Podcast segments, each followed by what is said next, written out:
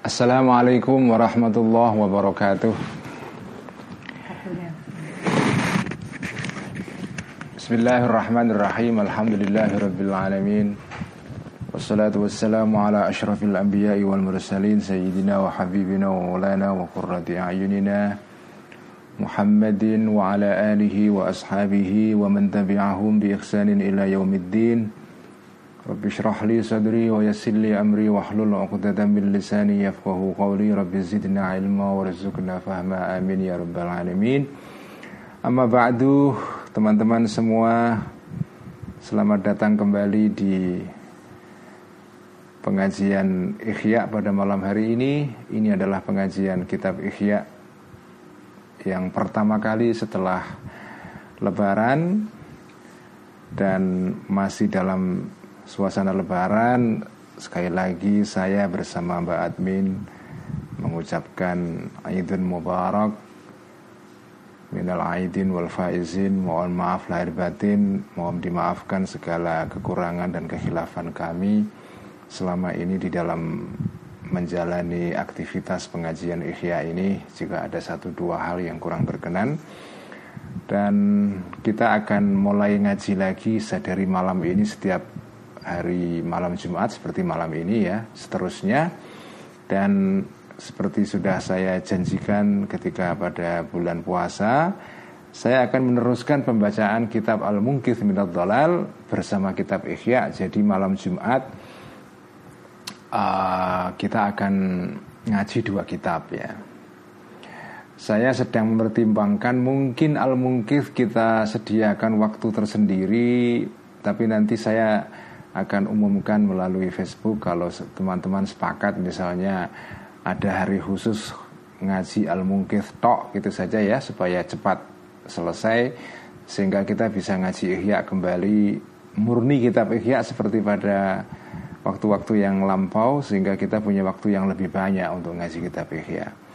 Kalau misalnya teman-teman setuju misalnya ngaji al-mungkith disediakan di luar hari Kemis atau malam Jumat seperti ini Insya Allah saya akan pertimbangkan itu Jadi Tapi untuk sementara kita akan ngaji kitab Ikhya bersama Al-Mungkith secara simultan atau uh, berurutan seperti pada malam hari ini.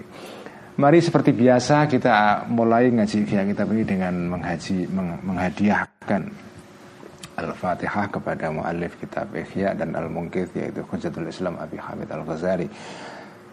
Bismillahirrahmanirrahim ila ruhi nabiyina wa syafiina Muhammadin sallallahu alaihi wasallam wa ila ruhil anbiya'i wal mursalin wa ila ruhil ali wal ashabi ajma'in wa ila ruhil awliya'i wa syuhada'i was salihin wa ila ruhi al-a'immatil mujtahidin wal ulama'is salihin wal muallifin wal musannifin khususan muallifa hadain al-kitabain Hujjatul Islam Abi Hamid الغزالي قدس الله سره ونور ضريحه وأعاد إلى بركاته ونفعنا بعلومه إلى أرواح أموات المسلمين والمسلمات والمؤمنين والمؤمنات خصوصا علماءنا ومشايخنا ونخص خصوصا علماء معاهدنا الإسلامية الموجودة في إندونيسيا وخصوصا العلماء مؤسسي الجمعيات الإسلامية جميعها وبأسرها في إندونيسيا وخصوصا إلى أرواح آبائنا وأمهاتنا وأجدادنا وجدادنا ومشايخنا ومشايخ مشايخنا شيء لله لهم الفاتحة. أعوذ بالله من الشيطان الرجيم. بسم الله الرحمن الرحيم. الحمد لله رب العالمين. الرحمن الرحيم. مالك يوم الدين. إياك نعبد وإياك نستعين. اهدنا الصراط المستقيم. صراط الذين أنعمت عليهم غير المغضوب عليهم ولا الضالين. آمين يا رب العالمين. Bismillahirrahmanirrahim. Qala al-muallif rahimahullahu ta'ala Wa nafa'ana bihi wa bi'ulumihi Fid daraini amin Rabbi yassir wa a'in. Kita mulai dengan mengaji kitab Al-Munkith Minad Dalal Halaman 111 ya. Ini kita meneruskan Pembahasan pada bulan puasa kemarin. Ini suasananya saya masih kebayang-bayang masih perasaannya masih seperti bulan puasa kemarin ya ah belum bisa move on jadi pembahasan pada bulan puasa yang lalu uh, adalah mengenai soal hakikatun nubuwah ya. Masalah kenabian. Ini tema yang menarik, penting sekali dan menjadi pembahasan banyak para ulama baik ulama yang menggunakan pendekatan ilmu-ilmu agama murni atau al-ulum syariah ya. Seperti para ahli hadis, para uh, ulama ulama-ulama tradisional ya, ulama-ulama yang menggunakan pendekatan ilmu-ilmu syariah atau para ulama yang menggunakan il, pendekatan ilmu-ilmu yang bersifat akliyah, rasional, terutama menggunakan filsafat ya menggunakan pendekatan filsafat atau pendekatan yang bersifat uh, apa rasional ya. Mereka semua tertarik untuk membicarakan tema mengenai an-nubuwah ini kenabian ini. Nah Al-Ghazali imam kita yang kita kaji selama ini itu berada pada posisi yang buat saya menarik karena beliau ini di tengah-tengah sebetulnya. Al-Ghazali ini adalah ulama yang apa kakinya itu ada di dua tempat ya.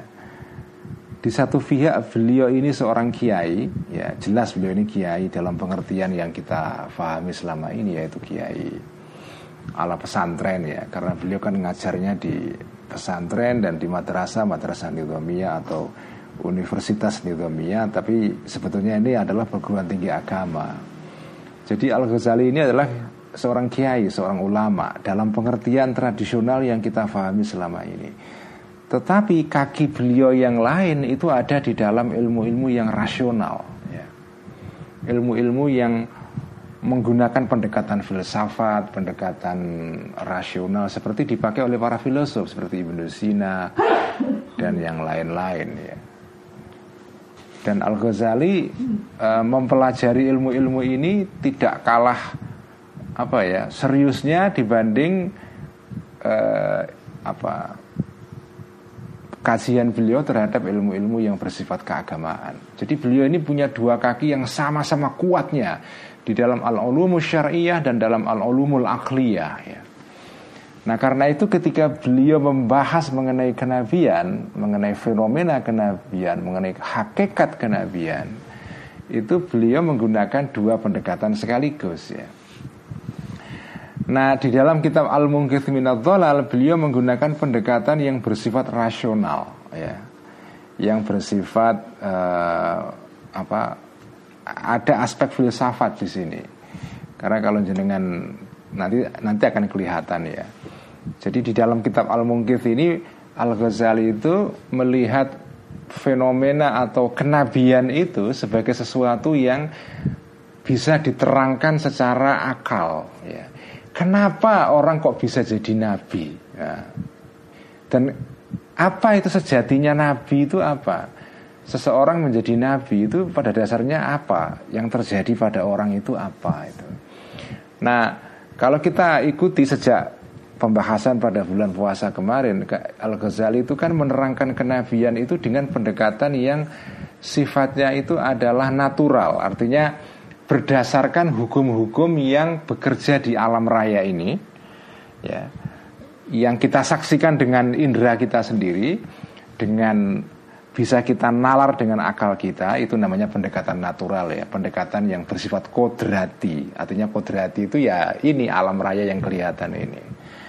Nah ini berbeda dengan pendekatannya para ulama yang murni menggunakan pendekatan ilmu agama ya jadi kalau misalnya para ahli hadis, para ulama hadis, ulama tafsir, ulama uh, apa ulama-ulama yang murni menggunakan pendekatan ilmu agama, ketika mereka membahas kenabian misalnya, itu banyak sekali kitab-kitab mengenai soal nubuah itu ya. Misalnya Dalailun Nubuah itu banyak ya. Al Imam Baihaqi misalnya menulis tentang Al Dalailun Nubuah ya. Nah kalau para ahli hadis menerangkan kenabian ini ya murni Ya orang jadi nabi karena diangkat oleh Allah jadi nabi. Udah selesai nggak ada keterangan lagi ya. Karena Allah itu Allah itu kan Ya Allah menghendaki apa pun sesuai dengan kehendaknya. Kalau orang dikehendaki jadi nabi ya nabi, jadi nabi. Ya otomatis itu. Jadi makanya kalau jenengan baca keterangan para ulama ahli hadis mengenai soal fenomena kenabian itu lebih banyak pendekatannya adalah mukjizat. Mukjizat. Nah, kalau pendekatannya para filosof yang ini sebagian diadopsi dipakai oleh Imam Ghazali dalam kitab Al-Munqidh Minad Dhalal ini ya dan juga dalam kitab-kitab yang lain termasuk dalam kitab Ihya juga meskipun tidak banyak ya. Uh, dalam kitab Ihya juga beliau menggunakan sedikit ilmunya para filosof. Apa itu intinya ilmunya para filosof yaitu bahwa orang jadi nabi itu ada penjelasannya.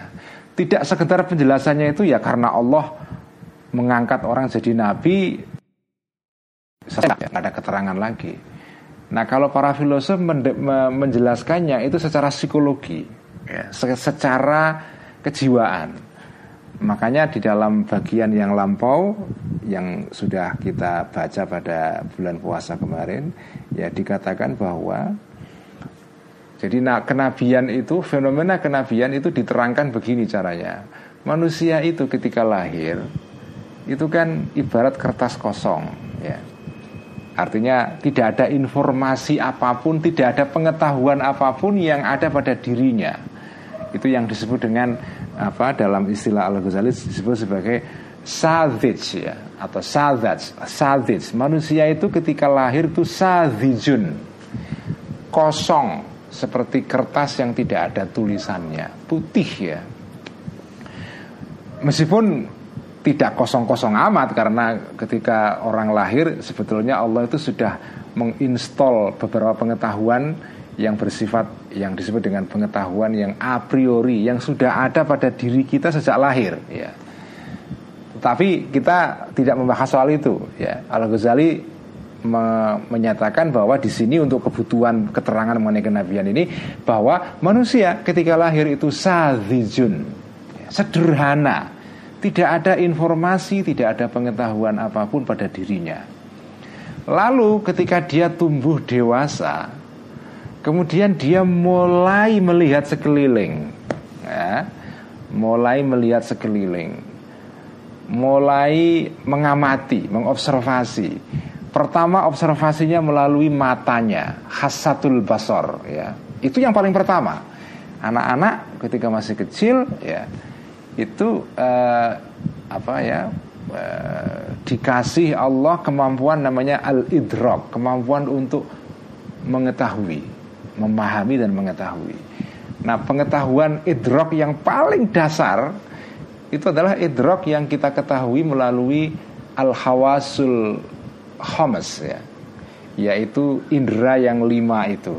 Nah, indera yang paling utama yang bekerja pada saat kita kecil ya ketika kita anak-anak bayi kemudian mulai ngeh dunia sekitar itu pengetahuan itu diperoleh melalui mata khasatul basor kita melihat makanya anak-anak itu begitu sudah mulai bisa melihat itu kan wow itu antusias sekali kan. Keingin tahuannya itu luar biasa. Dunia sekitar itu ajaib karena semula dari rahim ibu keluar mencotot spread ke dunia. Nah, sebetulnya ketika anak-anak itu lahir itu sebetulnya indera matanya belum bekerja penuh, tapi pelan-pelan mulai bekerja itu indera matanya dan mulai menyerap informasi sekitar.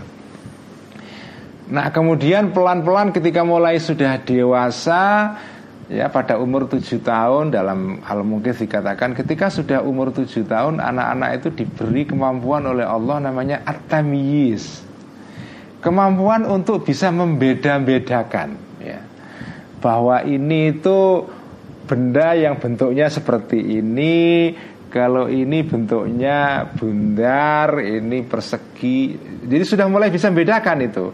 Mana benda yang besar mana yang kecil mana yang halus mana yang kasar mana jadi sudah bisa atamis sudah bisa mendiskriminasi itu namanya atamis membeda-bedakan. Jadi sudah dalam apa ya kalau dalam ilmu biologi gitu ya sudah bisa melakukan taksonomi, kategorisasi ya. Ini kecil, ini besar, ini setengah besar, ini setengah kecil, ini tinggi, ini rendah, itu sudah bisa dia. Jadi itu sudah muncul mulai itu. Itu namanya tamyiz ya. ketika dia sudah mulai balik ya al-buluh usia balik dia diberikan kemampuan oleh Allah namanya kemampuan akal ya. nah dengan akal ini dia sudah mulai bisa menalar itu memilah-milah informasi menalar sudah bisa mengerti konsep baik buruk dan seterusnya. Itu namanya akal. Nah akal itu itu menarik teman-teman ya. Akal itu jadi gini kalau kalau indera itu ya sesuatu yang di indera itu misalnya kayak HP ini. Ini saya lihat dengan mata saya. Begitu HP ini tidak kemudian saya singkirkan tidak ada di depan mata saya ya hilang. Jadi mata hanya sekedar melihat sesuatu yang ada di depannya. Tetapi akal manusia itu bisa punya kemampuan yang yang jauh lebih lebih lebih lebih besar lagi. Karena benda-benda yang tidak ada di depan mata kita itu bisa tersimpan dalam di dalam akal kita diproses dalam pikiran kita. Makanya ketika HP itu di depan mata kita lihat. Begitu kita singkirkan HP ini kita kita apa kita kita sembunyikan mata kita tidak bisa melihat. Tapi mata akal kita tetap bisa melihat benda ini. Jadi seperti memori dia disimpan dalam akal kita, dalam memori kita. Dan diproses di sini. Ya. Jadi makanya akal itu punya mata yang bisa melihat sesuatu yang tidak bisa dilihat oleh akal oleh mata yang bersifat fisik ini. Jadi itulah manusia itu jadi jadi anak-anak menjadi remaja, dewasa dan kemudian mengalami kematangan dalam berpikir terus menerus menerus menerus ya. Nah, sampai kemudian jadi pada dasarnya di dalam diri manusia itu ada kemampuan yang bersifat apa ya intelektual maupun bersifat mental ya yang membuat orang itu bisa mendapatkan informasi. Nah, sesuatu yang bisa diketahui oleh apa ya kemampuan yang di tingkat bawah ya atau sesuatu yang bisa diketahui oleh kemampuan yang bersifat apa ya, yang di atas itu tidak bisa diketahui oleh kemampuan yang ada di bawahnya. Misalnya apa yang bisa diketahui oleh akal itu tidak bisa diketahui oleh panca indera. Ya. Jadi panca indera punya kemampuan, tetapi ada hal-hal yang hanya bisa diketahui oleh akal tapi tidak bisa diketahui oleh panca indera. Jadi kalau dibuat semacam hierarki atau tingkatan begitu, kemampuan manusia itu bertingkat-tingkat. Ada kemampuan yang berdasarkan panca indera, ya. Ada kemampuan, ada ilmu-ilmu yang bisa diketahui dengan panca indera, ada ilmu-ilmu yang bisa diketahui dengan akal, dengan nalar. Nah, panca indera itu punya kelemahan. Dia bisa mengetahui sesuatu, tapi dia tidak bisa mengetahui sesuatu yang diketahui oleh akal. Tapi akal bisa mengetahui sesuatu yang diketahui oleh indera. Karena akal punya kemampuan yang lebih powerful ya. Nah Al-Ghazali mengatakan bahwa di atas akal itu ada kemampuan lain yang tidak bisa diketahui oleh akal. Apa kemampuan itu? Itulah namanya kenabian. Inilah namanya penjelasan yang rasional tentang hakikatun nubuah. Ya. Ini pendekatan yang bersifat rasional terhadap kenabian. Nah, pendekatan seperti ini biasanya itu dilakukan atau dikerjakan, dipakai oleh para filosof. Al-Ghazali sebagai kiai yang belajar filsafat mengadopsi penjelasan ini. Makanya saya bilang Al Ghazali itu kiai yang ngerti filsafat, ngerti sains, ngerti pengetahuan yang non keagamaan. Karena itu kalau kita baca Al Ghazali itu keren sekali karena ya seperti itu. Ya Al Ghazali itu adalah kakinya di dua tempat. Jadi ya di ilmu agama dan di ilmu-ilmu yang yang non agama. Dan sebetulnya ya profil kiai seperti inilah yang ideal ya. Ya tentu tidak berarti bahwa kiai yang ilmunya agama tok itu tidak bagus. Bagus, penting juga kita punya kiai seperti itu ya, Tapi kita juga pu perlu punya kiai yang profilnya seperti ini yaitu kiai yang kakinya di dua tempat. Di dalam al-ulumus syar'iyah dan di dalam al-ulumul akliyah ya. Nah, ini terbukti di dalam uh, apa penjelasan mengenai soal kenabian ini. Di dalam tema ini Al-Ghazali jelas di sini kelihatan dua kakinya ya, kaki kaki keagamaan dan kaki ilmu-ilmu rasional. Jadi itulah itulah hakikat kenabian itu seperti itu ya.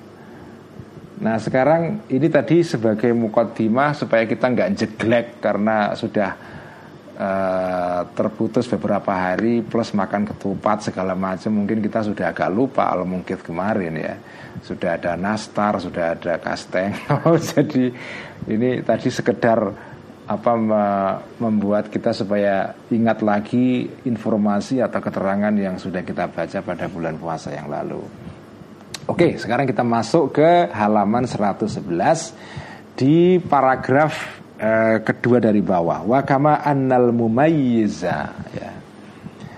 Wa kama annal mumayyiza dan sebagaimana sesungguhnya orang yang punya kemampuan tamyiz, kemampuan untuk mendiskriminasi tadi itu antara besar kecil, antara tinggi rendah ya yaitu kemampuan yang di dalam keterangan al mungkif kemarin ya itu dimil mulai dimiliki oleh anak-anak yang umur tujuh tahun ya.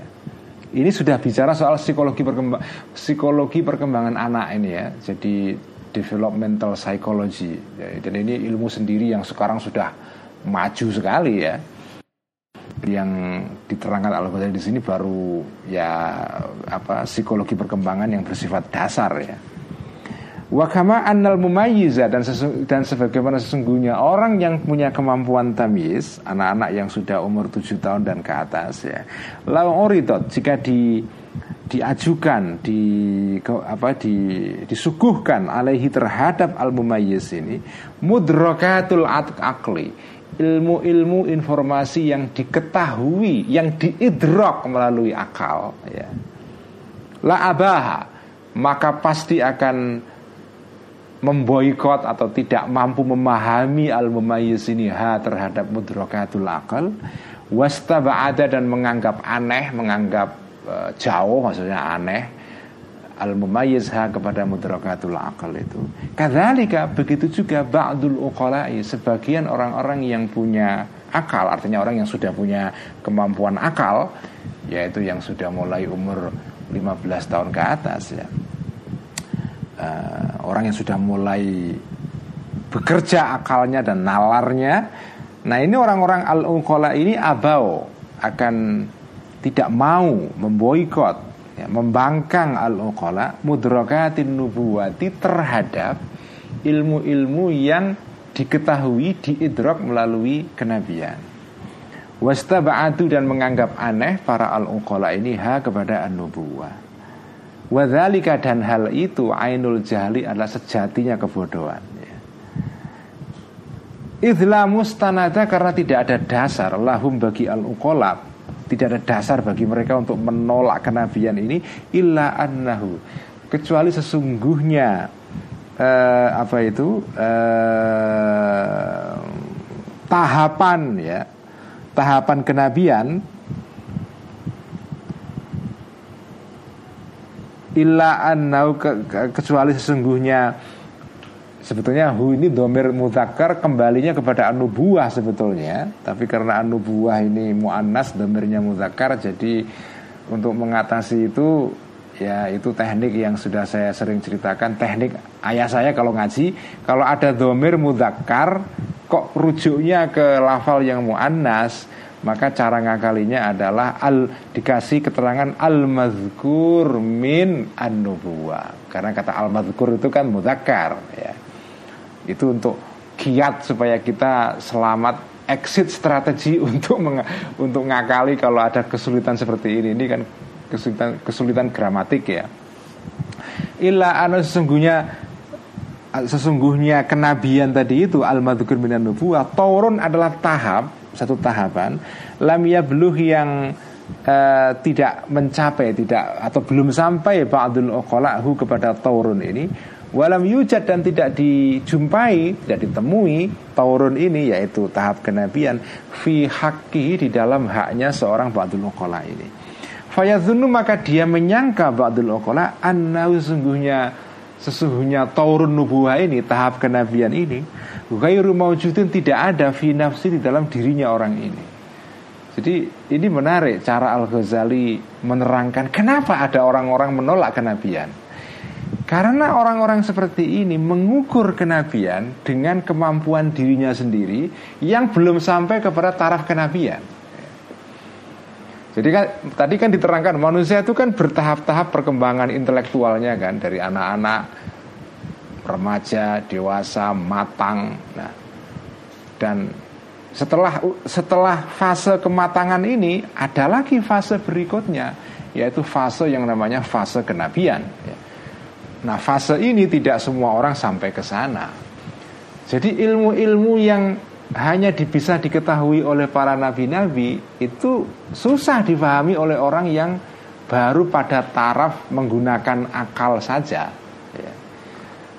Jadi itu sama dengan seorang anak-anak yang baru punya kemampuan namanya at Kalau dikasih pengetahuan yang eh, diketahui oleh orang-orang yang sudah punya sudah sudah bernalar ya itu pasti nggak percaya dia.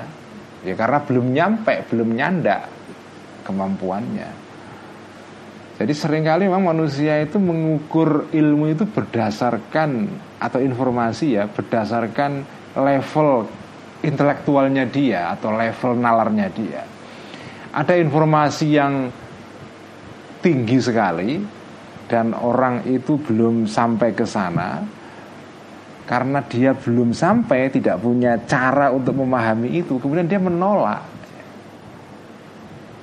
nah itu namanya itulah yang disebut oleh Allah Ghazali sebagai ainul jahli jadi kebodohan yang sesung, sesungguh-sungguhnya kebodohan adalah kalau ada orang menolak informasi hanya gara-gara dia menganggap bahwa informasi ini nggak masuk akal karena dia nggak punya alat untuk memahami itu.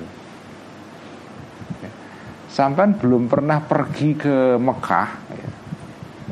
Ada orang bercerita mengenai soal kota Mekah Kamu nggak percaya? Karena kamu nggak pernah ke sana. Saya nggak pernah lihat kota Mekah kok saya nggak percaya.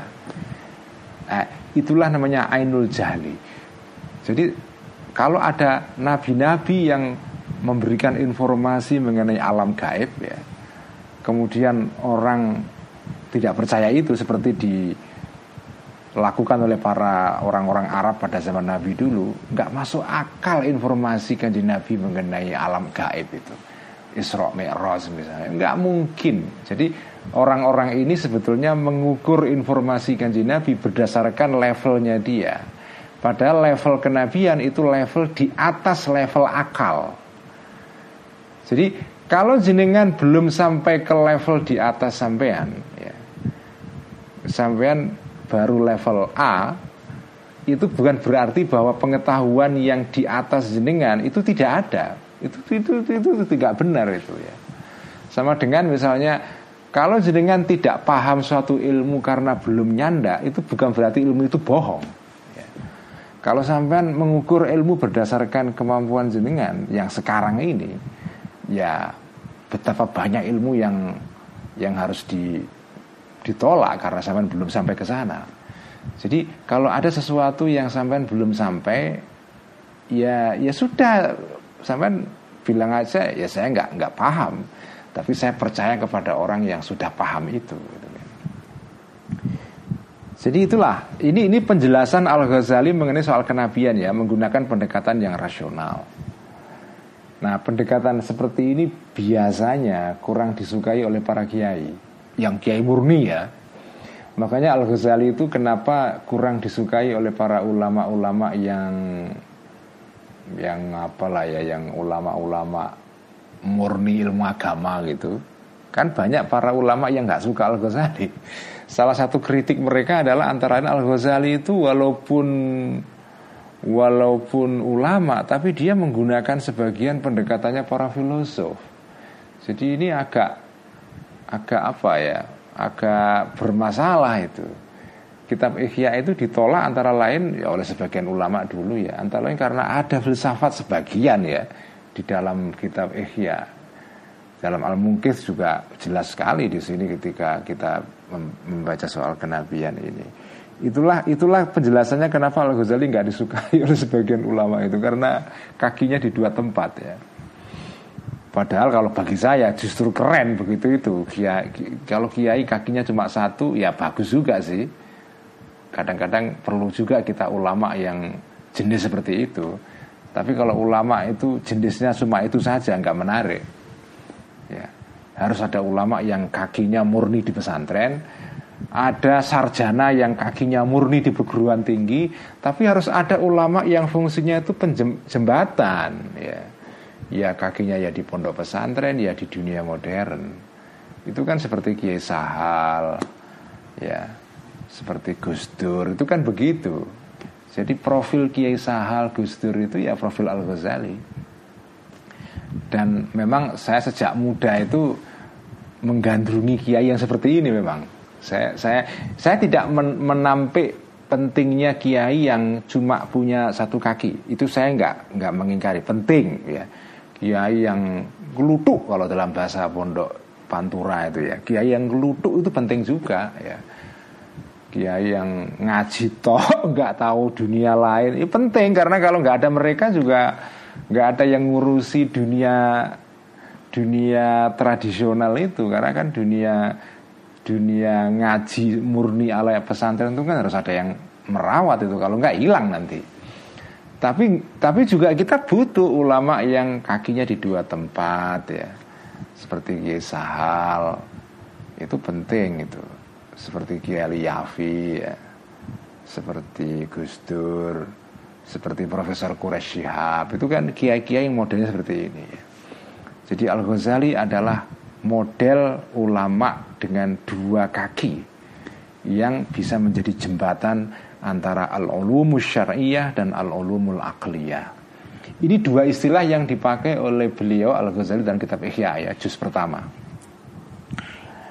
Wal akmahu dan orang yang buta Laulam ya'lam jika tidak pernah mengetahui orang buta ini bitawaturi melalui berita yang yang banyak sekali berita yang nggak mungkin ditolak karena yang memberitakan banyak orang itu itu tawatur Wattasamui dan melalui mendengar informasi yang didengar dari orang lain. Uh, tidak tahu apa maf'ulnya alam lam ya'lam al alwana warna wal ashkala dan bentuk-bentuk. Wahukia dan diceritakan lahu bagi al-akmah tadi Zalika soal warna dan bentuk tadi itu Ibtidaan pertama kali Bukan jadi pertama kali Sebelum dia dapat informasi melalui berita Atau melalui pendengar, mendengar informasi dari orang lain Pasti orang yang buta seperti ini Lam yafham Tidak akan paham orang buta ini. Ha kepada al-alwan Warna-warna tadi dan bentuk-bentuk tadi itu. Walam yukir dan tidak akan mengaku seorang buta ini biha terhadap keberadaan warna dan bentuk. Ya pastilah kalau orang buta pertama kali dikasih tahu soal warna dan orang yang buta sejak kecil sudah ya. Orang yang buta sejak kecil nggak pernah lihat ada warna nggak pernah melihat bentuk-bentuk geometri ya. Ada lingkaran ada kubus ada persegi panjang ada kotak ada macam-macam ada. Jadi bentuk-bentuk itu al ashkal pasti dia ketika dikasih tahu mengenai oh ada benda itu yang warnanya begini pasti dia nggak akan paham. Mungkin malah akan nggak percaya itu. Begitulah kira-kira analoginya orang yang tidak percaya kenabian. Hanya karena sampean belum sampai makomnya kepada makom kenabian Lalu sampean nggak percaya itu. Karena mereka jenengan mengukur informasi kenabian berdasarkan kemampuan jenengan yang yang belum sampai ke sana. Nah itulah itu analoginya persis dengan orang buta yang belum pernah dapat informasi apa pun tentang warna, kemudian dikasih tahu soal warna, ya pasti nggak akan percaya. Karena dia tidak punya alat untuk memahami warna Karena jenengan tidak punya alat untuk memahami kenabian. Tetapi kalau jenengan tidak paham itu bukan berarti nggak ada nabian, gitu ya. Ini pesan ini penting sekali ya. Kalau sesuatu jenengan tidak paham, itu bukan berarti sesuatu itu salah. Karena kan banyak orang yang menghakimi sesuatu berdasarkan kemampuannya yang terbatas ya. Jadi kalau sampean tidak paham sesuatu itu bukan berarti sesuatu itu salah ya. atau tidak ada. Ya sampean belum sampai gitu aja masalahnya sampean belum sampai kepada kepada level itu sehingga sampean nggak bisa paham itu.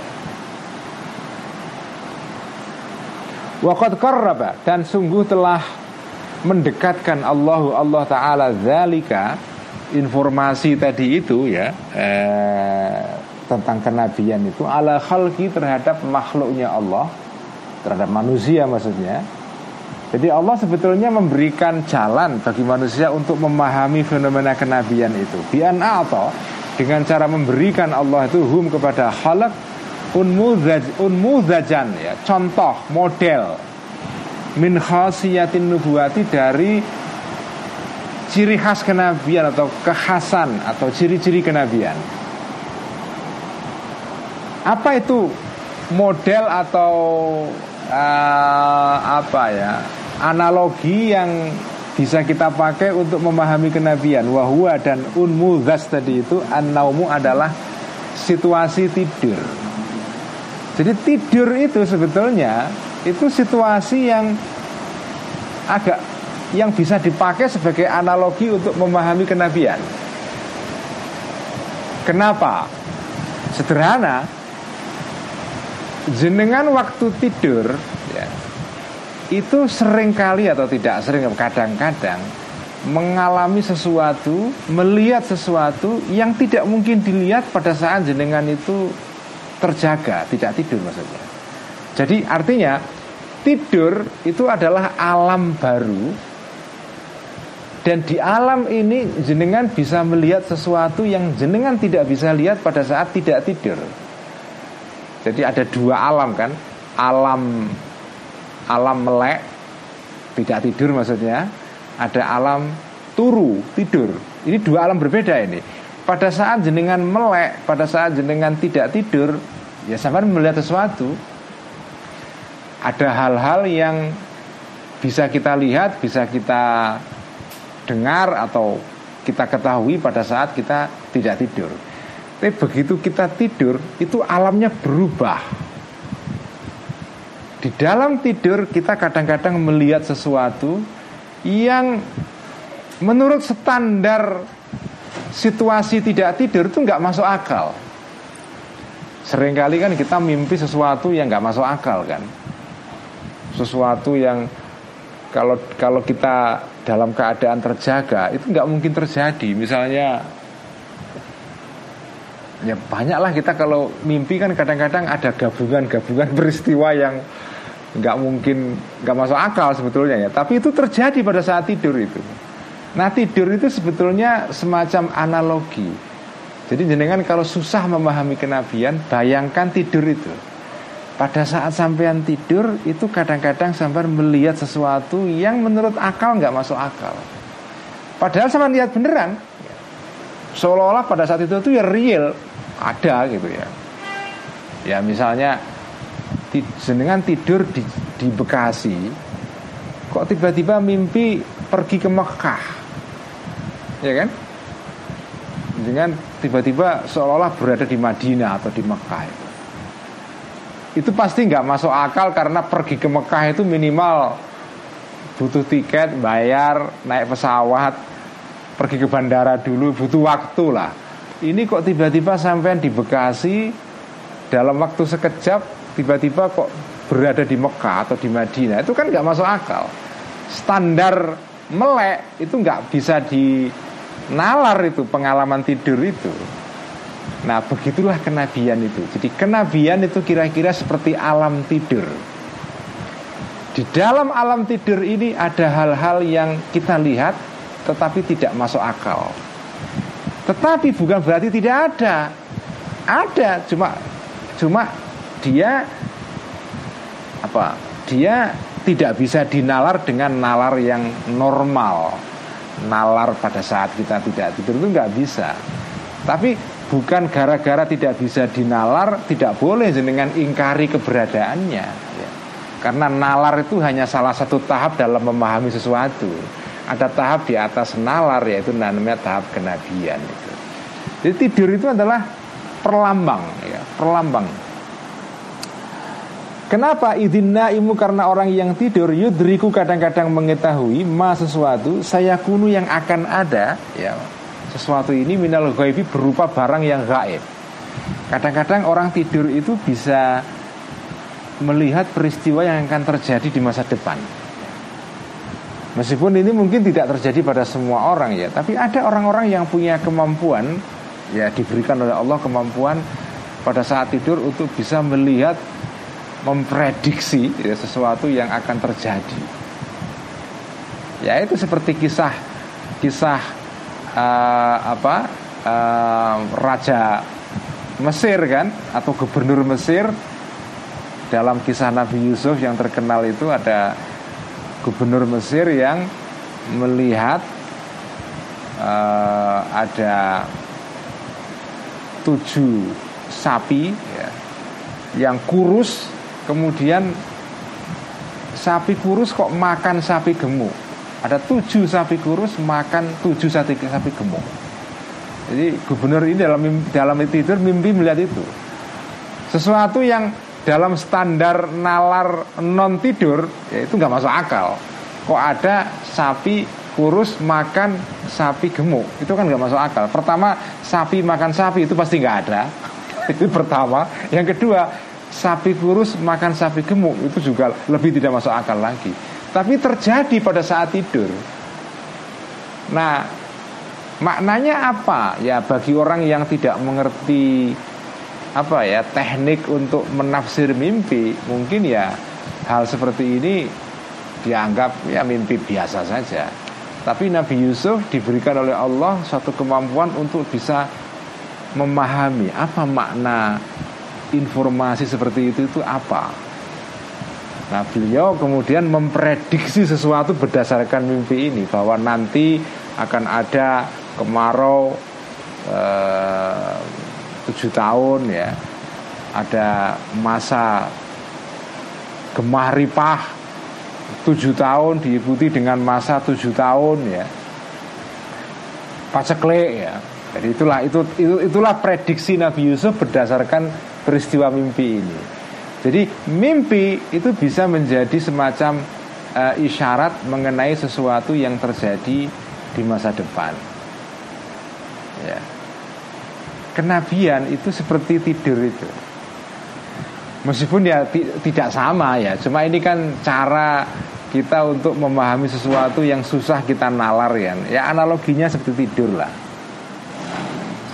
Imma sorihan ada kalanya ya um, pengetahuan mengenai barang gaib yang akan terjadi di masa depan itu imma sorikan ada kalanya secara jelas eksplisit ya.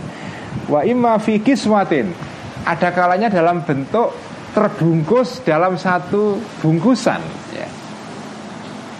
Wa imma fi kiswatin misalin dan ada kalanya dalam bentuk bungkusan berupa perlambang misal yaksifu yang bisa mengungkap anhu ter, terhadap terhadap perlambang ini at-ta'biru ta'bir atau apa uh, menafsir mimpi ya. Jadi mimpi itu itu menarik ya. Kenapa manusia itu kok bisa mimpi itu ya? Tidur itu itu bagi ini di sini apa ya kita mendapatkan keterangan yang bagi saya menarik ya. Orang tidur itu ya umumnya orang tidur tidur aja. Tapi kadang-kadang ada tidur tidur tidur tertentu yang kemudian di sana kita melihat sesuatu. Nah, yang kita lihat dalam mimpi pun itu juga macam-macam jenis-jenisnya. Ada yang ya mimpi yang namanya apa itu ya? Uh, ahlam, kembang tidur namanya ya. Ya mimpi biasa yang tidak punya makna apa-apa. Tapi ada juga orang yang punya kemampuan diberikan kemampuan oleh Allah untuk mimpi yang punya makna. Jadi ada mimpi yang tanpa makna, ada mimpi yang punya makna. Nah, mimpi yang punya makna ini itu ya harus ditafsir. Ada yang mimpi mimpi yang bermakna itu itu jelas apa yang kita lihat dalam mimpi itulah yang akan terjadi dalam dunia sehari-hari. Langsung apa adanya. Ada juga yang mimpi ini ini mimpi merupakan isyarat tentang sesuatu di masa depan, tapi dibungkus dalam bentuk perlambang. Seperti tadi itu, mimpinya gubernur Mesir tentang tujuh sapi kurus me, apa itu me, memakan ya tujuh sapi yang gemuk. Itu kan perlambang. Nah, kalau mimpi yang dibungkus dengan perlambang seperti ini harus diure, harus ditakbir, harus ditafsir ya oleh orang yang punya kemampuan terhadap mimpi seperti itu. Makanya ada ilmu yang disebut dengan ilmu ta'birur ru'ya ya, Ilmu menafsir mimpi Salah satu ulama yang dikenal sekali tentang menafsir mimpi itu seorang tabiin besar namanya Ibnu Sirin ya tabirur ru'ya ya. tapi ilmu ini sekarang sudah agak punah ini. Sudah punah itu. Ini modernisasi itu antara lain mengha menghancurkan ilmu-ilmu tradisional seperti ini ya. Sudah jarang sekarang orang yang punya kemampuan untuk untuk menafsir mimpi itu ya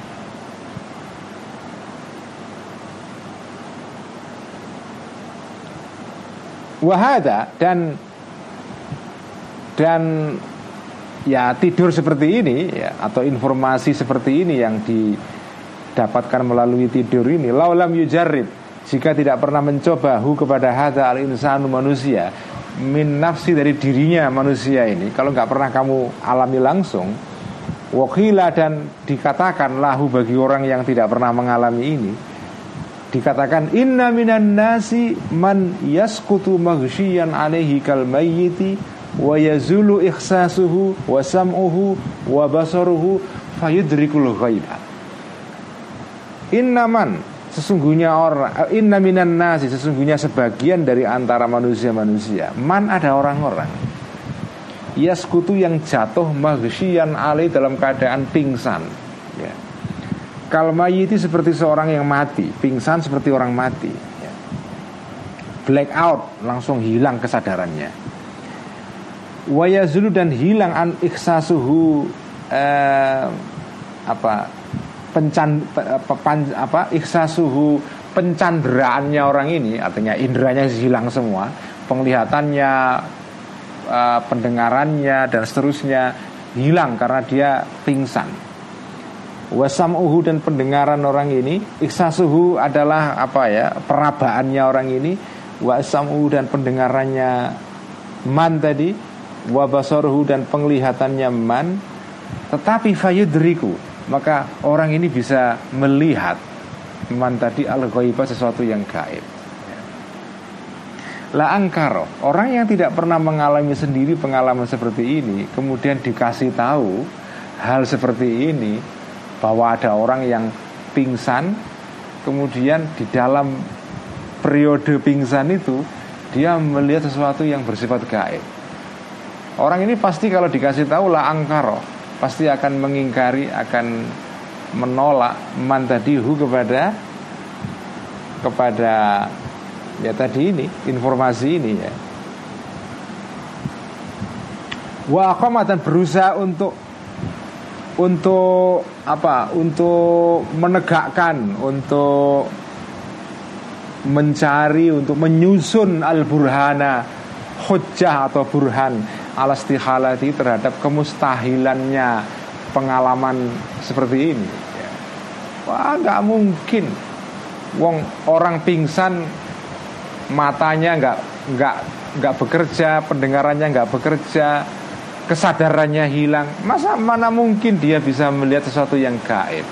Nggak masuk akal. Karena dia menggunakan parameter akal yang yang makomnya itu di bawah kenabian itu. Ya. Wakala dan berkata orang ini yang tidak pernah mengalami pengalaman seperti ini dia akan berkata al kuwa al hassasatu asbabul idraki al kuwa kekuatan-kekuatan al hassasatu yang bisa mengindra asbabul idraki adalah sebab pengetahuan. Jenengan punya idrok punya pengetahuan itu instrumennya alatnya adalah al hawasul khamas indera yang lima itu. Mata telinga hidung lidah dan perabaan itu kan? Lima indera ini itulah asbabul idrok ya. Nah kalau sampean lagi pingsan itu kan asbabul idrok itu semua nggak berfungsi. Mana mungkin ada idrok itu kira-kira begitu ya. Itu secara secara akal ya.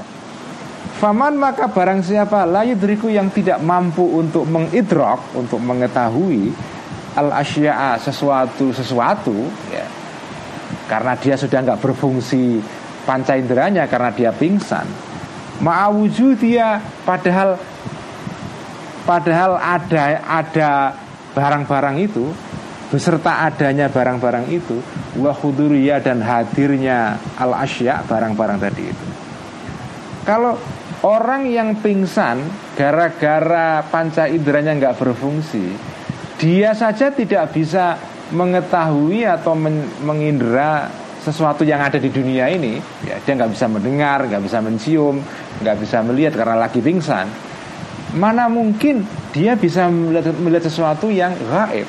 Wong yang ada saja nggak bisa lihat apalagi yang gaib jadi nggak masuk akal. Fabi Allah yudrika maka tidak bisa melihat orang tadi ini ma'aruku dia beserta uh, tidurnya al al al hasah tadi itu ya. Aula lebih utama wa haku dan lebih berhak jadi pada saat dia pingsan semua panca inderanya nggak berfungsi ya, dia nggak akan bisa melihat apa-apa. Karena karena pingsan. Apalagi jadi dia tidak bisa melihat sesuatu yang ada di dunia ini. Apalagi apa apalagi memahami atau melihat sesuatu yang gaib. Pasti lebih mustahil lagi ini apa ya? Ya inilah inilah contoh. Ini bagus sekali keterangan Al Ghazali ini karena ini menjelaskan bagaimana orang mengukur menilai informasi berdasarkan level intelektual yang ada sekarang ya. Jadi dia ada di level 5 Kemudian dikasih informasi yang itu ada di level 7 Dia bisa paham kalau level 5 eh, Semua informasi yang ada di level 5 dia bisa paham Karena akalnya baru di level itu Tapi begitu dikasih informasi untuk level yang lebih tinggi, level 7 misalnya, dia akan susah memahami itu. Dia akan berusaha untuk menolak informasi itu. Nah, apa yang dikatakan oleh Al-Ghazali di dalam kitab ini, ini persis seperti yang kita saksikan sekarang ini. Banyak orang misalnya tidak percaya keberadaan Tuhan ya.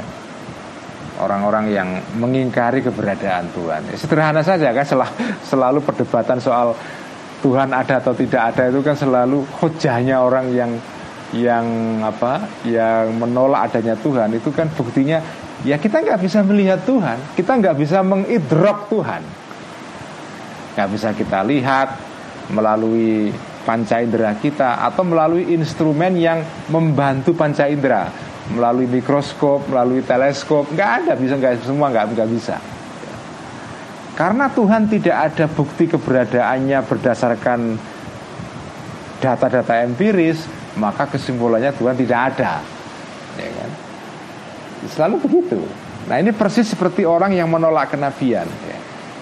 Kenabian di, diingkari, ditolak karena alasannya itu tidak bisa dinalar. Ya sebetulnya bukan karena kenabian tidak ada, cuma nalar dia belum sampai ke situ. Gitu kan. Jadi orang yang yang hanya menganggap bahwa Yang ada itu hanya sesuatu yang bisa dilihat dengan mata atau dilihat dengan instrumen, ya, dengan mikroskop, dengan teleskop misalnya. Dia dia dia pasti nggak akan percaya sesuatu yang di luar itu semua. Itulah orang-orang yang yang pandangan hidupnya atau cara berpikirnya atau perspektifnya itu bersifat materialistis ya bahwa dunia yang real ada itu ya hanya dunia material ini di luar itu nggak ada nggak wujud ya. Ya pasti dia akan susah memahami adanya Tuhan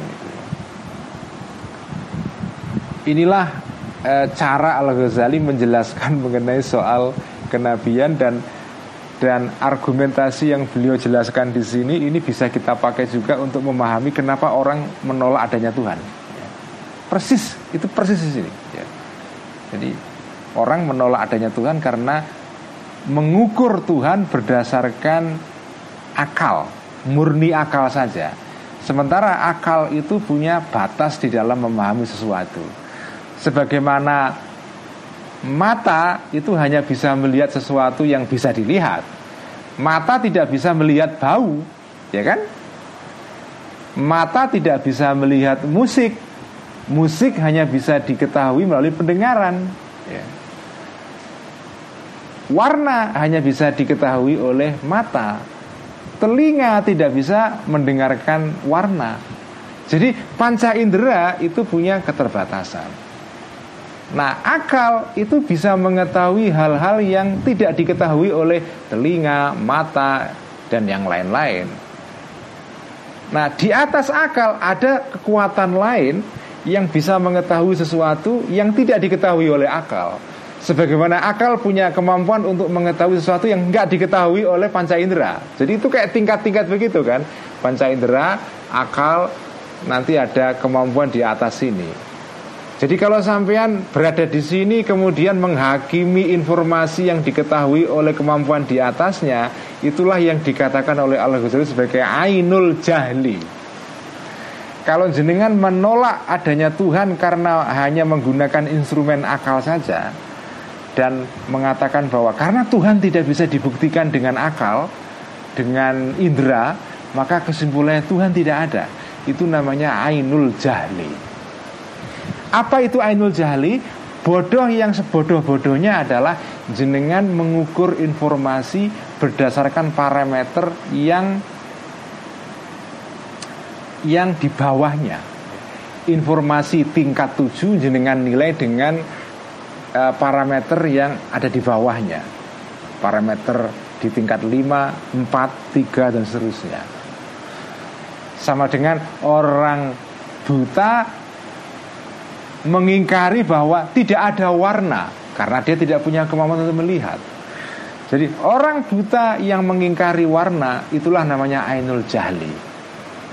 Sebetulnya bukan warna tidak ada karena jenengan tidak punya kemampuan untuk melihat warna. Orang yang mengingkari kenabian ainul jahli Bukan kenabian tidak ada Jenengan yang tidak punya kemampuan untuk memahami kenabian Bukan tidak ada Tuhan, jenengan yang tidak punya kemampuan untuk memahami Tuhan. Itu namanya Ainul Jahli. Jadi Ainul Jahli itu adalah orang di tingkat di kelas 5 menghakimi informasi kelas 6, kelas 7. Jenengan ada di tingkat SMP, SMA, jenengan mencoba untuk menghakimi informasi yang itu kelasnya S1, S2, S3. Dan betapa banyak sekarang orang yang seperti itu kelakuannya Orang yang levelnya di bawah Sok-sokan mau menghakimi informasi Yang hanya bisa difahami oleh orang yang ada di level di atasnya Banyak banget Sekarang banyak Ainul Jahli kita lihat di mana-mana. Ainul Jahli ada di mana-mana. Makanya pelajaran yang penting kita petik dari sini malam ini ya. Kalau sampean belum sampai ke level tertentu Ya sudah jenengan tahu diri saja. Jangan kemudian menghakimi informasi Berdasarkan pengetahuan jenengan yang terbatas ya.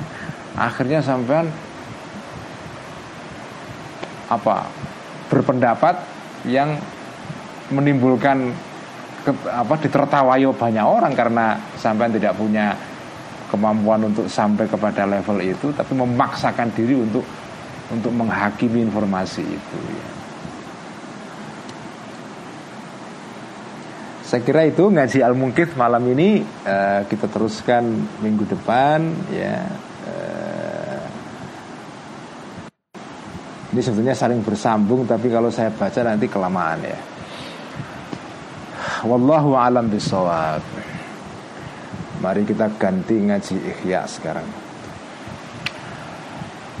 Bismillahirrahmanirrahim Alhamdulillah Rabbil Alamin Wassalatu wassalamu ala ashrafil anbiya wal mursalin Sayyidina wa habibina wa maulana Muhammadin Wa ashabihi ajma'in Amma ba'du faqala al-muallif rahimahullahu ta'ala Wa nafa'ana bihi wa bi'ulumihi fid daraini. Amin Rabbi yassir wa'ain Kitab Ihya halaman 1005 Kita masuk ke dalam resiko mulut yang keempat ya. Bahaya mulut yang keempat. Al-afatur rabi'atu ini adalah bahaya yang keempat dari bahaya-bahaya mulut yang jumlahnya ada 20 ya. Ini yang keempat. Apa itu bahaya yang keempat ya?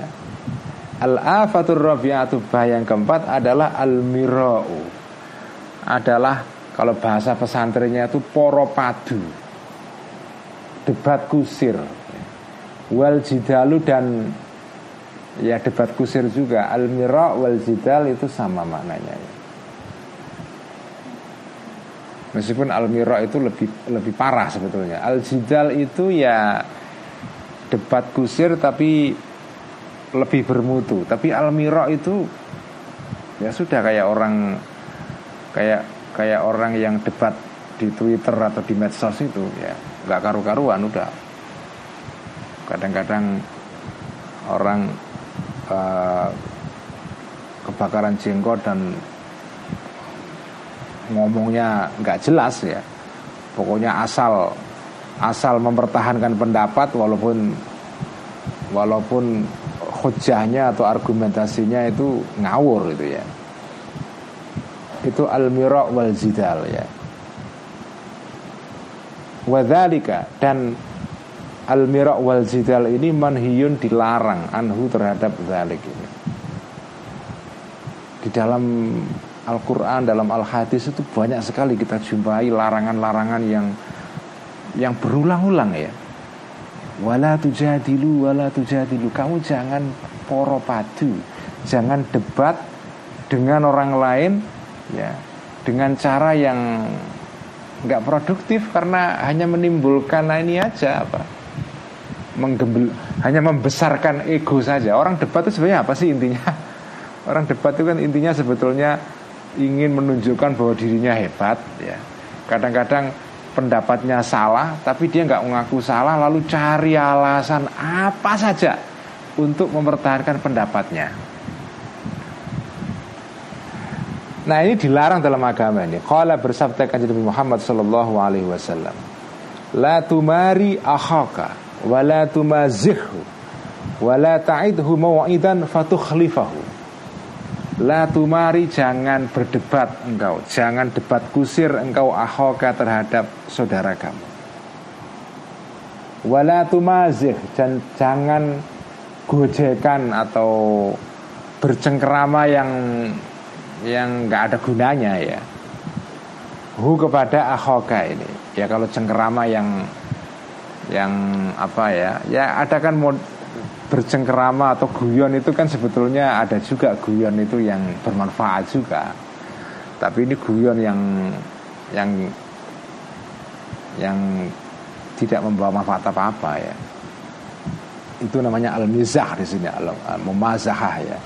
Wala tumazih dan jangan guyon yang bersifat apa yang yang yang nggak ada gunanya. Engkau hu kepada akhaka wala ta'id dan jangan berjanji engkau hu kepada akhaka. Mau idan janji fatuh khalifa maka me, melanggar engkau ya hu terhadap janji. Ini jadi al-mira itu dilarang. Jangan berdebat dengan saudara kamu. Wa dan juga bersabda kanjeng Muhammad sallallahu alaihi wasallam ya. Dharu al-mira'a fa innahu la tufhamu hikmatuhu wa la tu'manu fitnatuhu. Dharu tinggallah tinggalkanlah kalian semua al-mira'a uh, debat kusir itu. Fa innahu karena sesungguhnya al-mira' la tufhamu tidak bisa difahami, tidak bisa diketahui hikmatuhu, hikmahnya al-mira'. Apa sih gunanya debat nggak ada sebetulnya ya. Wala tu'man dan tidak bisa dijaga tidak bisa dihindari. Fitnah tuhu fitnahnya al-mira. Al-mira wal jidal itu nggak jelas gunanya bahayanya sudah jelas ya. Menang ora kondang kalah kisinan kita menang juga nggak dapat nama kalau kalah malu ya. Itulah itulah al mira wal zidal itu apalagi al mira wal zidal dengan orang-orang yang nggak jelas ya. Orang-orang yang memang nggak nggak punya kompetensi untuk untuk untuk berdebat itu ya. Dan betapa banyaknya sekarang kita melihat hal ini ya. Jadi era medsos ini kan era al mira wal zidal ini. Waqala dan bersabda Kanjeng Nabi Muhammad Sallallahu Alaihi Wasallam Man tarokal mira'a wa huwa muhikkun Ini penting sekali ya. Man barang siapa taroka meninggalkan orang ini al mira'a debat kusir. Wahua dalam keadaan orang ini muhikun benar. Sampean menghindari debat kusir Padahal benar loh. Posisi jenengan itu valid Tapi jenengan tidak mau berdebat soal itu. Nah, Kalau sampean nggak percaya ya semonggo lah. Nah orang seperti ini adalah orang yang bijak Ganjarannya adalah dunia akan dibangunkan Akan dibangunkan lahu bagi orang ini Baitun suatu rumah atau kamar Fi a'lal jannati di dalam surga yang paling tinggi Surga yang tingkat eksekutif ya. Ini kalau orang meninggalkan poropadu atau jidal dan mirok Padahal posisinya benar Nah kalau posisinya salah bagaimana? Ada ganjarannya juga. Waman barang siapa taroka yang meninggalkan orang ini Al-Mira'a Poropadu ya. Debat kusir Wahua dalam keadaan orang ini Mubtilun salah. Nah jenengan tahu diri saya Pendapat saya ini Kayaknya salah ya. Sudahlah saya nggak mau nggak mau debat kusir. Kayak saya salah kok ngapain kan? Saya nggak mau bertahan dengan pendapat saya. Saya tinggalkan debat kusir Nah orang ini juga bertindak bijak ya. Cuma levelnya di bawah orang pertama. Kalau yang pertama tadi Dia benar Tapi nggak mau debat kusir. Nah itu lebih tinggi dia. Biasanya kan kalau orang merasa benar Itu terdorong untuk mempertahankan pendapatnya secara mati-matian kan Karena merasa benar. Artinya kalau ada orang benar posisinya tapi kok mau meninggalkan debat kusir itu luar biasa. Artinya dia bisa mengendalikan diri. Ingat ya, jalan rohani dalam kitab Ihya itu, jalan rohani dalam ajaran Ihya intinya adalah kita mengendalikan diri. Itu intinya sebetulnya pembahasan mengenai soal lapar, soal menaklukkan dua syahwat ya. Syahwatul batni syahwatul farji. Itu kan sebetulnya pengendalian. Nah sekarang kita bicara mengenai syahwatul lisan ya. lisan atau mulut itu juga punya syahwatnya sendiri. Nah kalau jenengan bisa mengendalikan mulut ini itu adalah jenengan sudah berhasil menempuh jalan rohani. Nah salah satu realisasinya adalah ini. Nah jenengan punya posisi yang benar tapi tidak mau terlibat dalam perdebatan mengenai mengenai hal itu. Padahal sampai tahu benar itu kualitasnya jenengan tinggi sekali. Jenengan sudah naik makom rohaninya itu uh, dua strip ya. tapi nak jenengan itu tahu diri jenengan salah terus kemudian tidak mau berdebat nah itu naik juga derajat rohani jenengan cuma naik satu strip ya jadi ada ganjarannya juga. Ganjarannya adalah dunia akan dibangunkan lahu bagi orang ini. Baitun rumah juga sama dibangunkan rumah di surga juga. Cuma surga yang ya kelas ekonomi. Fi robadil jannati di dalam pekarangan surga. Artinya surga yang apa yang tingkat rendah ya. Kalau yang sadi itu dibangunkan villa di bagian surga yang paling tinggi itu ya. Ya ini ini cara agama memberikan reward and punishment di dalam kebaikan ya. Ya caranya seperti ini ya. Ada orang yang protes ya. Ya protesnya masuk akal juga. Ini apa ya? Kok kita berbuat kebaikan kok kayak orang dagang diiming-imingi surga ini itu. Ya manusia itu kan levelnya banyak ya. Ada orang yang mau berbuat baik kalau ada insentif yang seperti ini misalnya. Kalau jenengan sudah sampai kepada tingkat kedewasaan yang tinggi kemudian mau berbuat baik tanpa melalui insentif seperti ini ya bagus. Ya, itu lebih bagus lagi ya. Insentifnya adalah yang seperti itu yang dikatakan yang pernah disabdakan oleh kanjeng Nabi yang disebut dengan al ihsan itu. Insentifnya adalah kenapa sampai kok mau berbuat baik karena saya dilihat oleh Allah. Anta budallaha ka'annaka tarahu. Karena saya melihat Allah di mana-mana. Dan saya tidak tega atau tidak berani berbuat yang melanggar kaidah moral karena saya melihat Allah di mana-mana. Atau kalau sampean tidak bisa melihat Allah, sampean merasa dilihat oleh Allah. Nah, ini ini adalah keberagamaan yang kelas tinggi ini. Ini yang disebut uh, apa ya filsafat moral yang dalam filsafatnya Immanuel Kant disebut dengan ajaran moral deontologi. Jadi sampean merasa perlu melakukan suatu tindakan baik ya karena dia baik saja.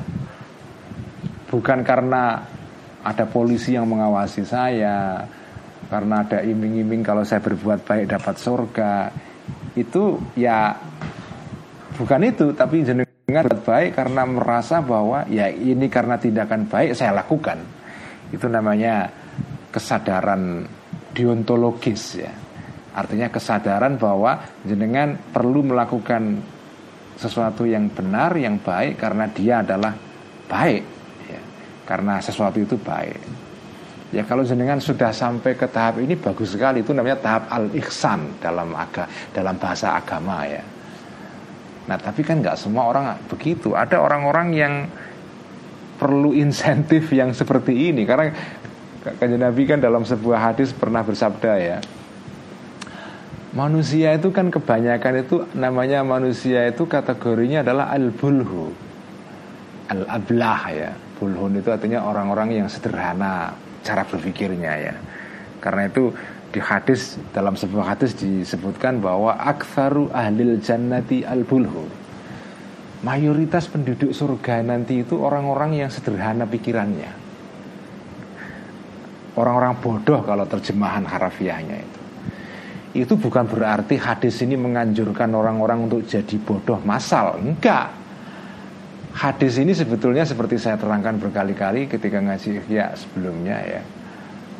Hadis ini tuh sebetulnya maknanya adalah agama Islam itu bukan agamanya orang elit saja.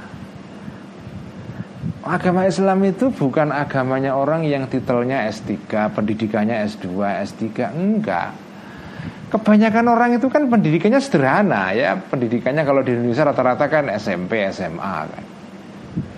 Ya itulah yang kebanyakan yang masuk surga itu ya orang-orang seperti itu. Orang yang pengetahuannya ya, ya rata-rata tidak punya kecanggihan berpikir seperti mahasiswa S3 atau profesor enggak. Nah kalau surga itu hanya untuk orang-orang elit ya, ya terus yang orang awam terus mau dikemanain? Masa masuk, oh, masa orang dimasukkan neraka hanya karena awam itu kan nggak masuk akal itu kan. Jadi hadis tentang tadi itu aksaru ahlil jannati al bulhu mayoritas penduduk surga itu orang-orang sederhana orang-orang yang sederhana pikirannya. Itu sebetulnya menunjukkan etos atau semangat Islam yang demokratis. Islam itu bukan agama kaum elit. Islam itu agama semua orang. Dan karena kebanyakan orang itu orang awam ya Islam adalah agamanya orang-orang awam ini Bukan berarti orang yang pinter tidak diperhatikan dalam Islam. Enggak, Islam itu agama yang sangat menekankan pentingnya ilmu. Ya. Betapa ilmu dihargai dalam agama Islam. Tetapi faktanya di mana-mana orang awam itu jumlahnya lebih banyak daripada orang spesialis, ya kan? Fakta sajalah, sampai ke mana pun tidak saja di negara berkembang seperti di Indonesia, bahkan di negeri maju pun seperti Amerika atau Eropa, jumlah orang awam itu lebih banyak daripada orang yang ahli. Ya. Expert itu di mana pun, para pakar di mana pun itu pasti jumlahnya lebih kecil daripada yang tidak pakar. Jadi kira-kira kalau memakai bahasa sekarang ya Aktsaru ahlil jannati al bulhu Mayoritas penduduk surga adalah orang-orang yang bukan pakar Maksudnya apa? Orang sederhana Jadi orang yang sederhana. Karena itu agama Islam itu agama yang sebetulnya apa ya demokratis semangatnya karena tadi itu. Semua orang di semua orang di masa surga ya. Nah orang-orang jadi kembali kepada ini ya menjaga lisan ini. Jadi umumnya orang itu ya awam. Nah kalau jenengan berdebat dengan orang awam ya nggak ke mana-mana Makanya kalau ada orang mau menjaga diri tidak mau berdebat padahal posisinya benar itu tinggi sekali ya makomnya. Tapi kalau dia tahu diri salah ya terus nggak mau berdebat ya tetap bagus cuma makomnya lebih rendah ya.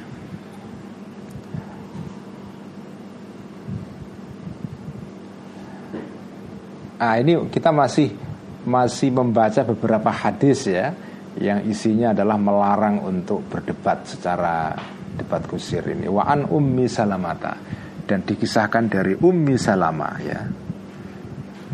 Istrinya kanjeng Nabi radhiyallahu anha qalat berkata ummi salama qala berkata bersabda Rasulullah Rasulullah sallallahu alaihi wasallam inna awwala ma uhida ilayya ini sabda kanjeng Nabi ya inna awwala ma sesungguhnya hal yang pertama ahida yang mengambil janji yang yang apa itu uh, mengambil janji ilayya kepada diriku Rabbi Tuhanku. Ya. yang diambil sumpah kira-kira gitu. Hal pertama yang Allah ngambil sumpah dengan saya ya. Wanaha dan mencegah uh, Tuhan ni kepadaku ku kanji Nabi anhu terhadap ma tadi itu ba'da ibadatil authani setelah larangan untuk menyembah berhala wa syurbil khamri dan meminum arak ya. setelah larangan menyembah berhala dan minum arak larangan ketiga ya yang di yang diwanti-wanti oleh oleh Allah terhadap saya adalah mulahatur rizali adalah berdebat dengan para laki-laki. Ya tidak hanya laki-laki saja maksudnya juga perempuan juga ya. Mulahatur rizali adalah berdebat dengan laki-laki dan perempuan ya. jadi kata mulaha itu adalah redaksi atau istilah lain untuk al-mira wal jidal ya. Itu mulaha ya.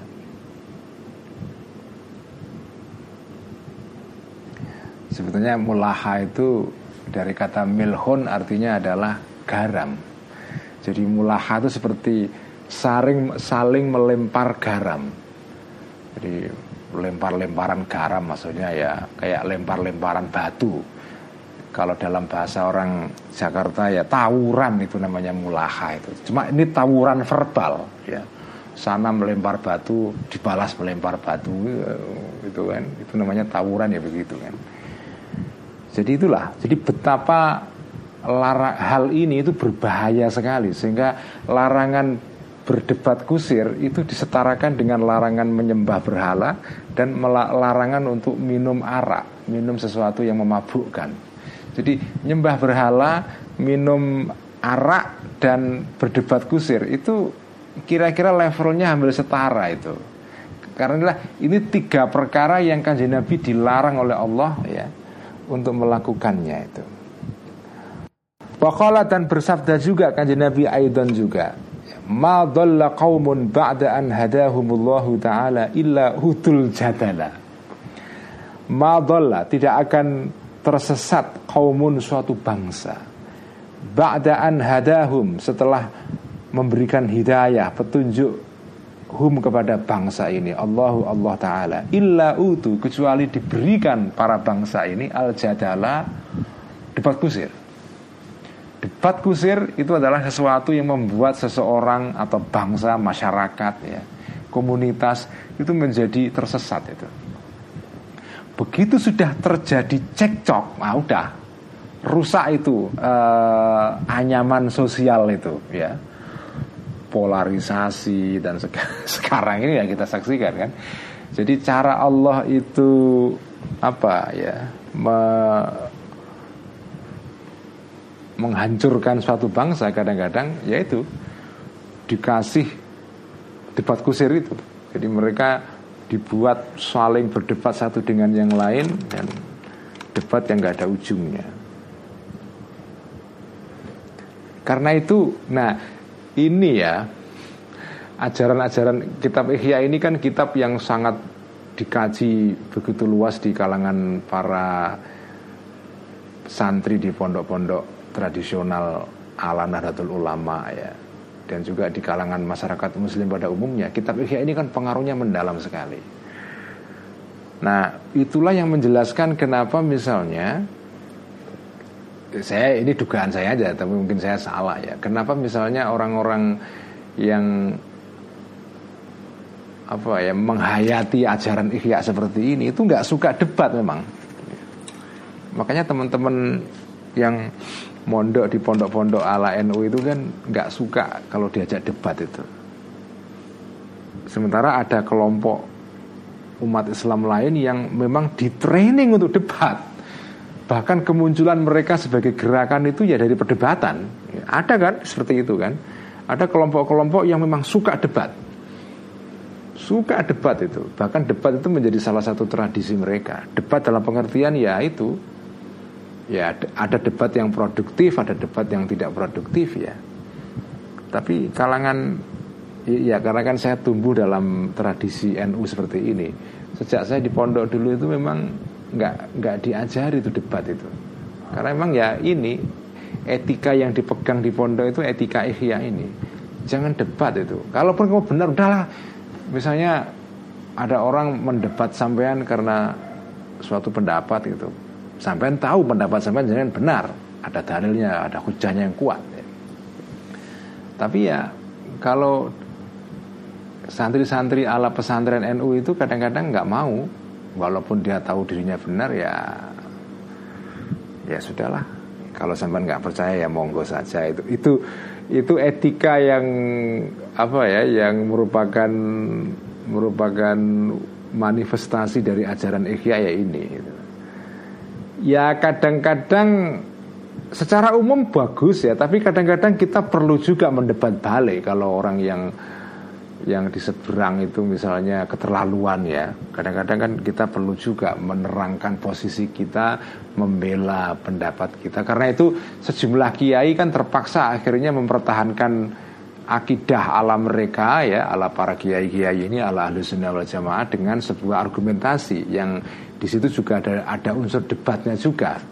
Ya. Jadi kadang-kadang debat itu diperlukan kalau dalam situasi yang tepat ya. Karena itu tapi kalau jenengan terpaksa harus berdebat itu seperti dalam Al-Quran ya nanti juga akan diterangkan dalam kitab dalam kitab Ihya ini tidak berarti debat itu dilarang sama sekali nanti ada keterangannya ya enggak ya di Quran juga dijelaskan wala tujadilu ahlal kitabi illa billati hiya ahsan Jenengan boleh berdebat, tapi kalau terpaksa berdebat itu adalah billati hiya ahsan. Ahsan itu kata kuncinya ya. Sampean harus menggunakan cara yang lebih baik daripada cara yang dipakai oleh lawan sampean. Nah, artinya apa? Nak lawan sampean itu sopannya tiga, sampean harus sopannya empat atau lima. Jadi kalau kalau cara berdebat lawan jenengan itu kok sopannya level 1 jenengan 2 Kalau lawan jenengan sopannya 2 jenengan 3 Dan seterusnya. Ya. nah, Itu baru dibolehkan menurut Al-Quran itu ya. Tapi ya ajaran ini itu indah di mulut tapi susah ditindakan Umumnya orang itu adalah saya juga termasuk dalam kategori ini ya. Kalau orang lain mengasari kita empat kita akan mengasari dia lima ya kan? Jadi kita kita cenderung kalau berdebat itu adalah menggunakan cara yang lebih kasar entah sedikit atau banyak daripada lawan kita. Kalau lawan kita kasarnya lima kita terpaksa harus harus enam kasar kita atau tujuh harus delapan itu ya padahal kalau di Quran itu enggak kalau lawan jenengan itu kok kasar, jenengan nggak mau ikut. Ya. Sama sekali tolak kekasaran itu. Kita nggak mau ikut cara kasar. Tapi kalau lawan jenengan sopan, cuma sopannya level 1, jenengan harus melebihi dua.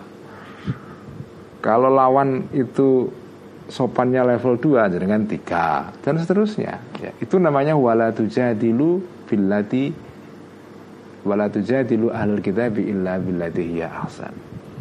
Ini semua ajaran indah Cuma pelaksanaannya susah saudara-saudara ya Tapi kita harus coba Kalau enggak ya ngapain kita ngasih ihya kan Intinya ngasih ihya kan kita harus Walaupun saya berkali-kali mengatakan ya Apa yang ditulis dalam kitab ihya ini Itu berat sebetulnya Cuma kita tidak langsung kemudian ya sudah karena berat kita buang saja enggak kita justru menantang diri kita kita pelan-pelan bisa nggak mendekati ideal atau standar ideal yang diterapkan dalam kitab Ihya ini gitu kan.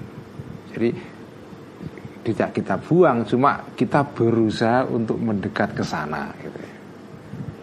Ya kadang-kadang gagal ya nggak apa-apa namanya kita ini kan apa sih ya umat kanji Nabi yang sudah lahir di akhir zaman sudah mau ngaji kayaknya udah bagus kan. Lumayan lah. Jadi ngaji tok itu udah bagus. Tapi kalau sudah berusaha untuk melaksanakan ikhya walaupun satu persen itu lebih bagus lagi. Ya. jadi cara berpikirnya begitu jangan wah ini kok susah sekali udahlah kita tinggalkan saja ikhya ini enggak ini enggak realistis dalam beragama ini jangan begitu kalau saya memahaminya enggak begitu memang saya nggak bisa sampai ke level ini. Wong ini levelnya Imam Ghazali yo. Kita ini siapa? Emang siapa kamu itu kok merasa harus harus seperti kita Ihya? Ini kan ajaran para orang-orang besar memang. Kita tahu orang kecil, tapi bukan berarti kita kita kemudian putus asa, enggak ya. Kita berusaha meniru standarnya orang besar. Ini kan kitab untuk orang seperti apa ya Hudal bin Iyad, Sahal At-Tustari, Ibrahim bin Adham, uh, Abdullah bin Al-Mubarak, orang-orang dukdeng semua itu. Nah, kita ini ya orang biasa, cuma bahwa orang biasa seperti kita kok mau meniru orang-orang besar ini udah keren itu. Baru mau meniru aja kan udah keren itu. Saya memang tidak seperti Mbah Maimun Zuber Jauh Cuma saya kepingin meniru Mbah Maimun Kepingin saja itu udah Udah top lah Untuk kelas orang kayak kita yang kayak begini tongkrongannya ini udah Udah keren itu Keren itu Adapun berhasil niru Atau tidak itu Itu belakangan ya Tapi mau meniru saja Itu udah keren itu itu kalau saya membaca kitabnya begitu ya. Supaya kita nggak nggak pesimis itu loh. Karena kalau tidak pesimis, makanya banyak orang yang benci ya karena dianggap wah ini kitab nggak realistis beragama kok susah sekali.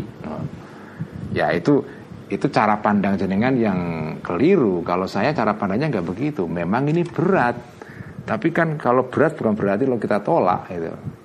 Ya memang untuk mempunyai ya kalau analoginya orang diet supaya punya tubuh yang indah memang ya berat kalau pengen punya tubuh kayak kayak bintang-bintang film itu.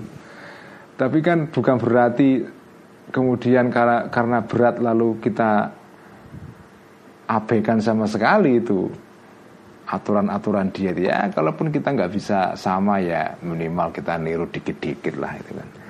Jadi yang penting itu usaha untuk menaikkan standar diri kita yang rendah ini mendekat sedikit saja terhadap standar yang dalam kitab Ihya ini ya. Jadi saya tahu berdebat itu meninggalkan debat sama sekali di era medsos itu berat. Ya. Kalau apalagi kalau jenengan ini tokoh apa seleb seleb tweet gitu kan, wah udah pasti tergoda itu tiap pagi buka Twitter wah, ada orang komentar nyolot marah kita kan wah ini rasanya kalau nggak menjawab dengan cara yang kasar itu kok nggak bisa itu. Susah itu. Ya tapi kalaupun ada dorongan seperti itu kita kendalikan dikit lah ya. Supaya kalau yang ini ini pesan buat teman-teman yang sudah ngaji ya bersama saya ini ya. Jadi saya tidak menuntut saya nggak bisa juga kok melaksanakan ihya keseluruhan kok ya. Tapi minimal karena sampean sudah ngaji ihya punya tanggung jawab moral yaitu niat untuk mendekatkan diri kita kepada standar ini. Ya. Sedikit aja nggak apa-apa tapi sudah ada niat berusaha untuk mendekatkan diri kepada standar ihya itu. Ya.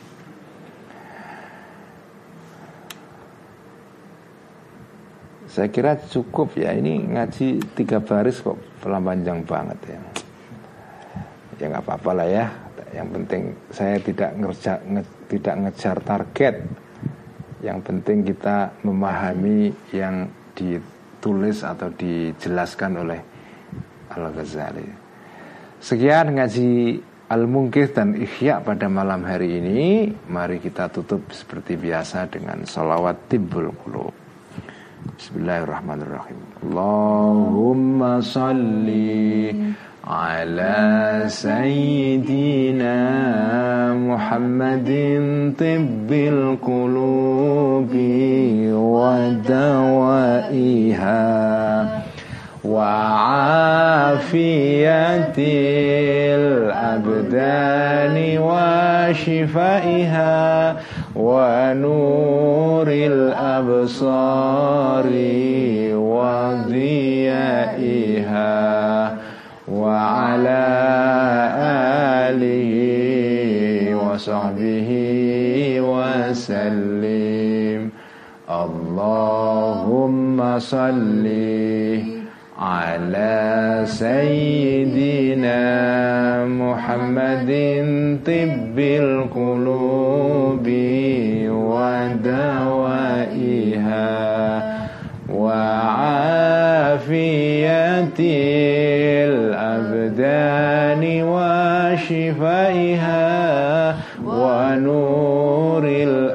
الأبصار وضيائها وعلى آله وصحبه وسلم. اللهم صلِّ على سيدنا محمد طب القلوب